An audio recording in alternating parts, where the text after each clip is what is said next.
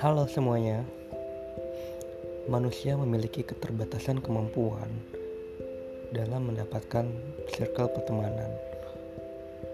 Untuk itu perlu adanya media untuk mengungkapkan semua pikiran, perasaan, ataupun opini akan sesuatu.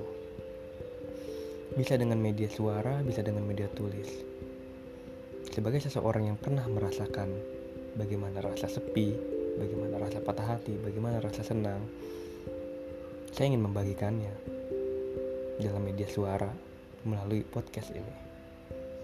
Saya Renji, selamat datang di Dunia Renji.